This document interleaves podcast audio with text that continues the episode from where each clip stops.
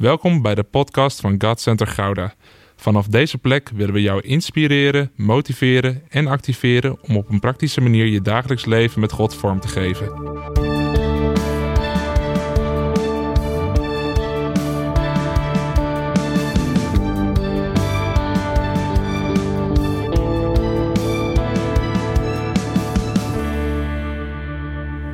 Hallo en welkom terug bij de tweede podcast over het thema het ontmoeten van God. Heb je de vorige podcast gemist? Misschien handig dat je die eerst even luistert. Dan heb je echt een goede introductie op het thema. En heb je de vorige podcast geluisterd? Dan ben ik benieuwd, wat heeft het met je gedaan in de afgelopen tijd?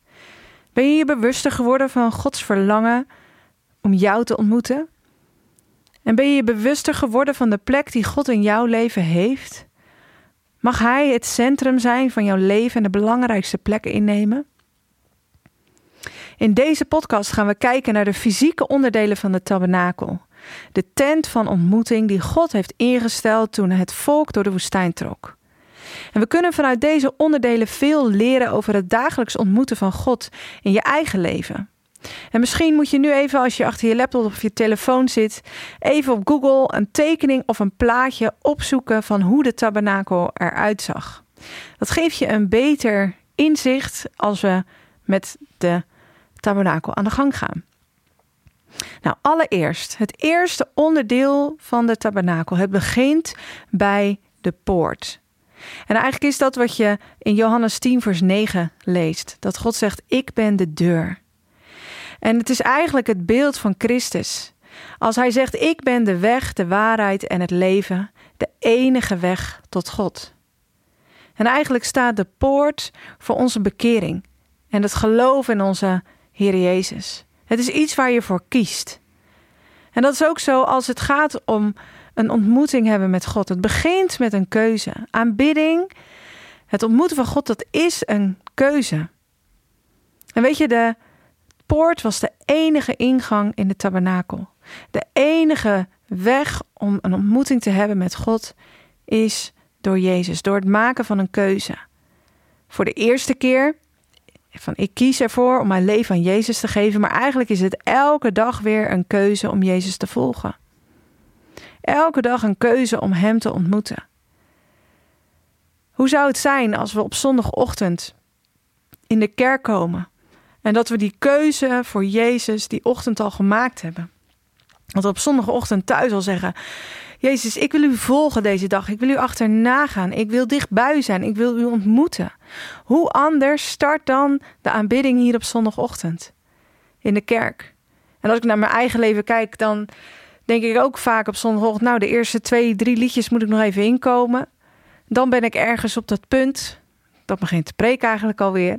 Maar het gaat erom Aanbidding, het ontmoeten van God, is allereerst een keuze om daadwerkelijk die poort binnen te gaan. Die enige weg om de tabernakel in te gaan. Die enige weg om uiteindelijk bij God te zijn. En vervolgens heb je het voorhof. En in het voorhof, daar staat allereerst het brandofferaltaar.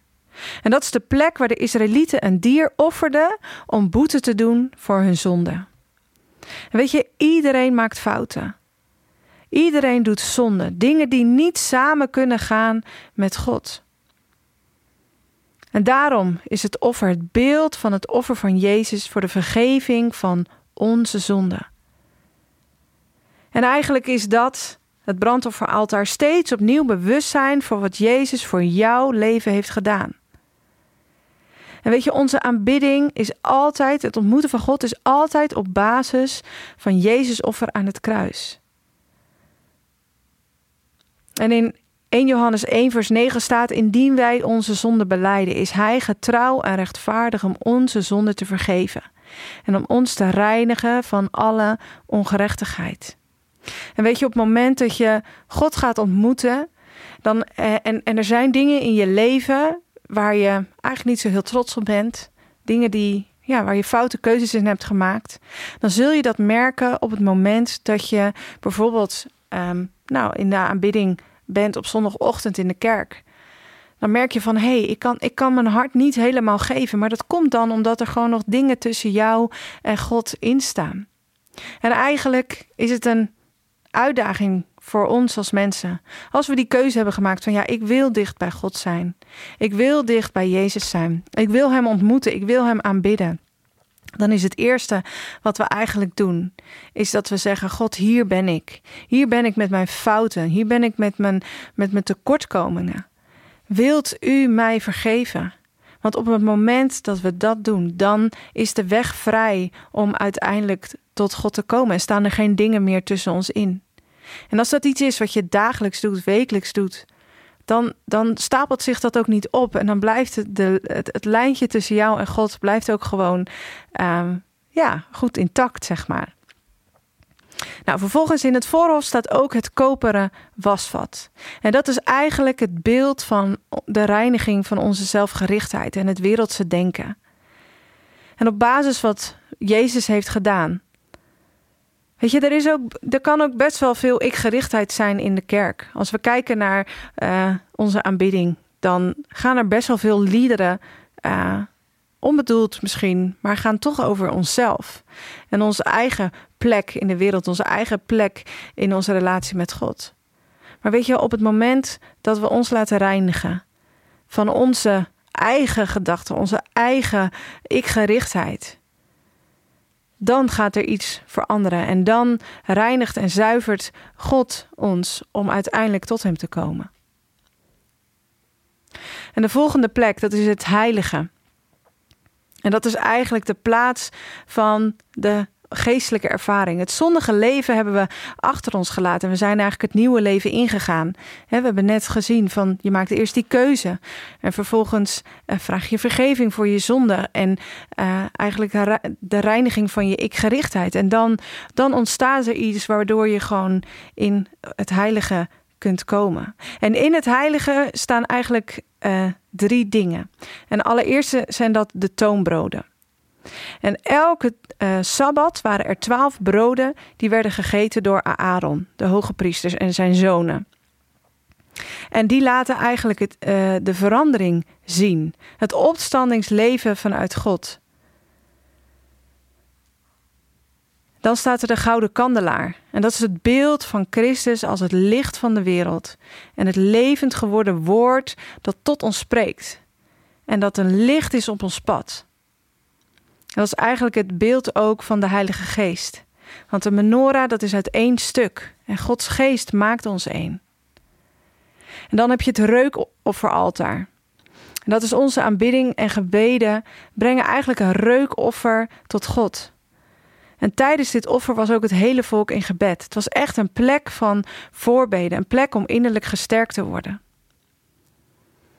En dan is er uiteindelijk het heilige der heiligen. En in het heilige der heiligen, daar stond de ark, de ark van het verbond. En dat staat eigenlijk symbool voor het verbond van God tussen God en zijn volk. Het is de plek waar hij woont op aarde. En de heerlijkheid van God is daar. Zijn aanwezigheid kan daar zo ervaren worden. Zijn aanwezigheid is daar. Nou, dan hebben we die onderdelen van de tabernakel eigenlijk doorgenomen. En dan denk je, wat heeft die tabernakel met ons te maken? Nou, weet je, die tabernakel die bestaat uit het voorhof, het heilige en het heilige der heiligen. En eigenlijk bestaat een mens ook uit drie gedeelten: uit geest, ziel en lichaam. En het voorhof in de tabernakel, dat is eigenlijk het lichaam zoals wij dat kennen. Dat is de plek waar je je vlees kruisigt. Het brandofferaltaar, dat is de vergeving van de zonde. En het koperen wasvat is de reiniging van onze zelfgerichtheid en ons wereldse denken. En eigenlijk het voorhof, dat is dus de plek waar je je vlees kruisigt. Waarbij je zegt van, God, hier ben ik. Wilt u wegnemen wat niet van u is? Ik wil mijn zelfgerichtheid wil ik opgeven. En dan kom je in het heilige. En dat is de plek waar je je ziel oproept. Om God te aanbidden, om God te ontmoeten. En je ziel bestaat uit je wil, je denken en je gevoel. En we zingen zo vaak: O mijn ziel, loof de Heere. En David schrijft dat in vele psalmen. Maar weet je wat er eigenlijk mee bedoeld wordt?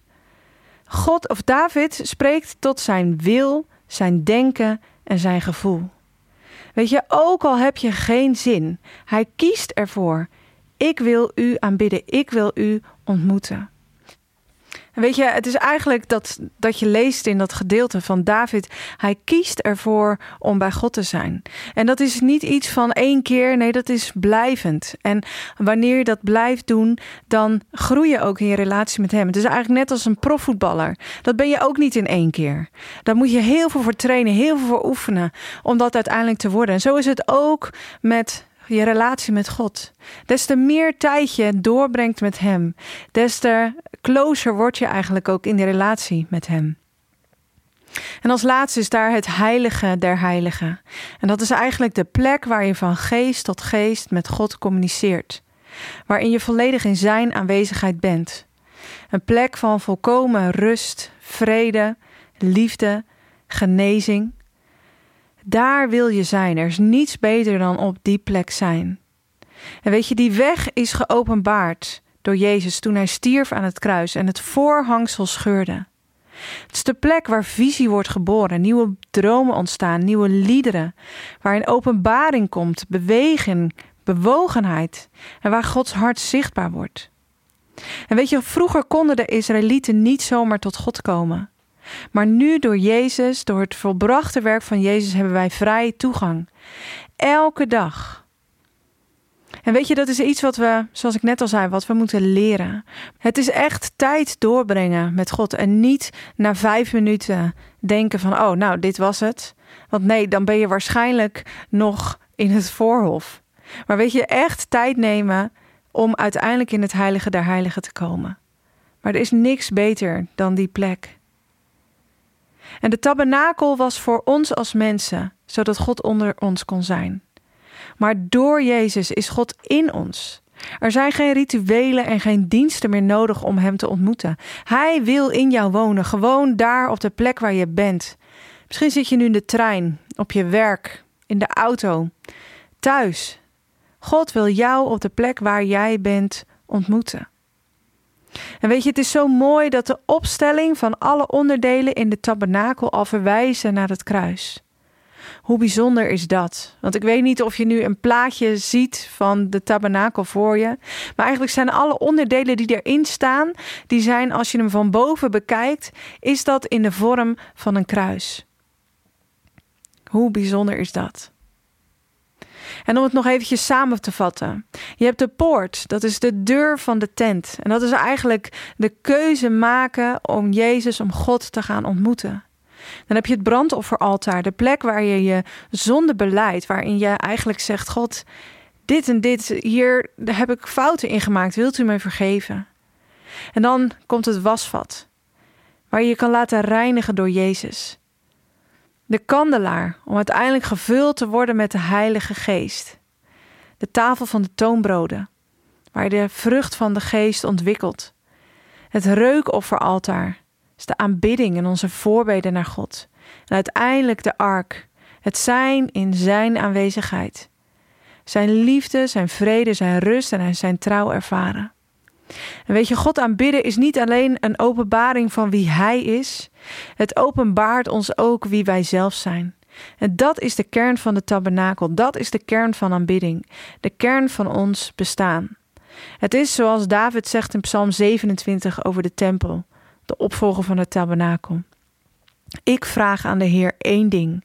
Het enige wat ik verlang, dat is wonen in het huis van de Heer, alle dagen van mijn leven, om de liefde van de Heer te aanschouwen, Hem te ontmoeten in Zijn tempel. En lieve Vader, dat is ook ons verlangen. Het is ons verlangen om U te ontmoeten.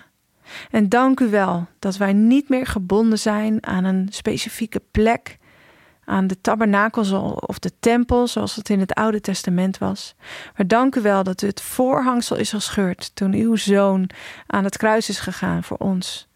Waardoor wij u nu op ieder moment van de dag, op welke plek we ook zijn, mogen ontmoeten. En dat er geen hele rituelen en regels en wetten en dingen zijn waarin we, waar we eerst aan moeten voldoen voordat we u mogen ontmoeten, Heer. Heer, maar de instelling van het tabernakel en de onderdelen die daarin zijn, Heer. Die weg eigenlijk die je loopt op het moment dat je de tabernakel ingaat. Die weg willen wij ook bewandelen om u te ontmoeten. En Heilige Geest, wilt u ons wijsheid en inzicht geven? Wilt u ons sturing geven hoe we daarmee om kunnen gaan? Hoe we dat kunnen, ja, eigenlijk doen om u daadwerkelijk te ontmoeten, Heer. En het is zo ons verlangen om dicht bij u te zijn. Wilt u ons daarin leiden en wilt u ons nieuwe manieren ja, nieuwe plekken geven ook, Heer, om die rust te vinden om u te ontmoeten. Om u te aanbidden, om u de eer en lof te geven, voor wie u bent. In Jezus' naam. Amen.